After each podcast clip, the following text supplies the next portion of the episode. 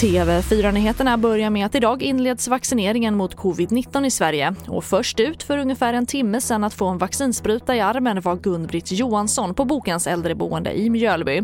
Och statsminister Stefan Löfven höll i morse tal om att vaccinationen nu drar igång. För ett år sedan var covid-19 okänt och idag påbörjas alltså vaccineringen mot covid-19 i Sverige och i EU.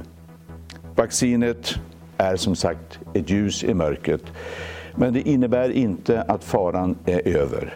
Utan vi måste fortsätta att följa myndigheternas rekommendationer. Och på tv4.se kan du se hela talet och även följa vaccineringen under dagen. Och efter nyår kommer även ungdomar som begår brott att kunna förses med fotboja, det rapporterar SR. Och åtgärden ska ses som ett alternativ till sluten ungdomsvård.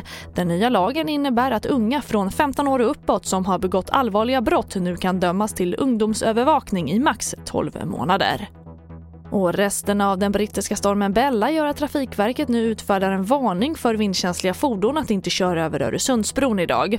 Enligt SMHI kan såväl västkusten som sydkusten få uppemot stormbyar och varnar för kulning i Öresund och större delen av Östersjön.